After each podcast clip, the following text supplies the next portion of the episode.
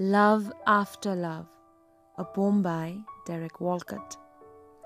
The time will come when, with elation, you will greet yourself arriving at your own door, in your own mirror, and each will smile at the other's welcome and say, Sit here, eat. You will love again the stranger who was yourself Give wine, give bread, give back your heart to itself, to the stranger who has loved you all your life, whom you ignored for another, who knows you by heart.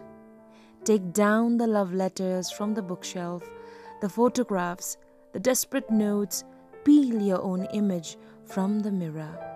Sit, feast on your life.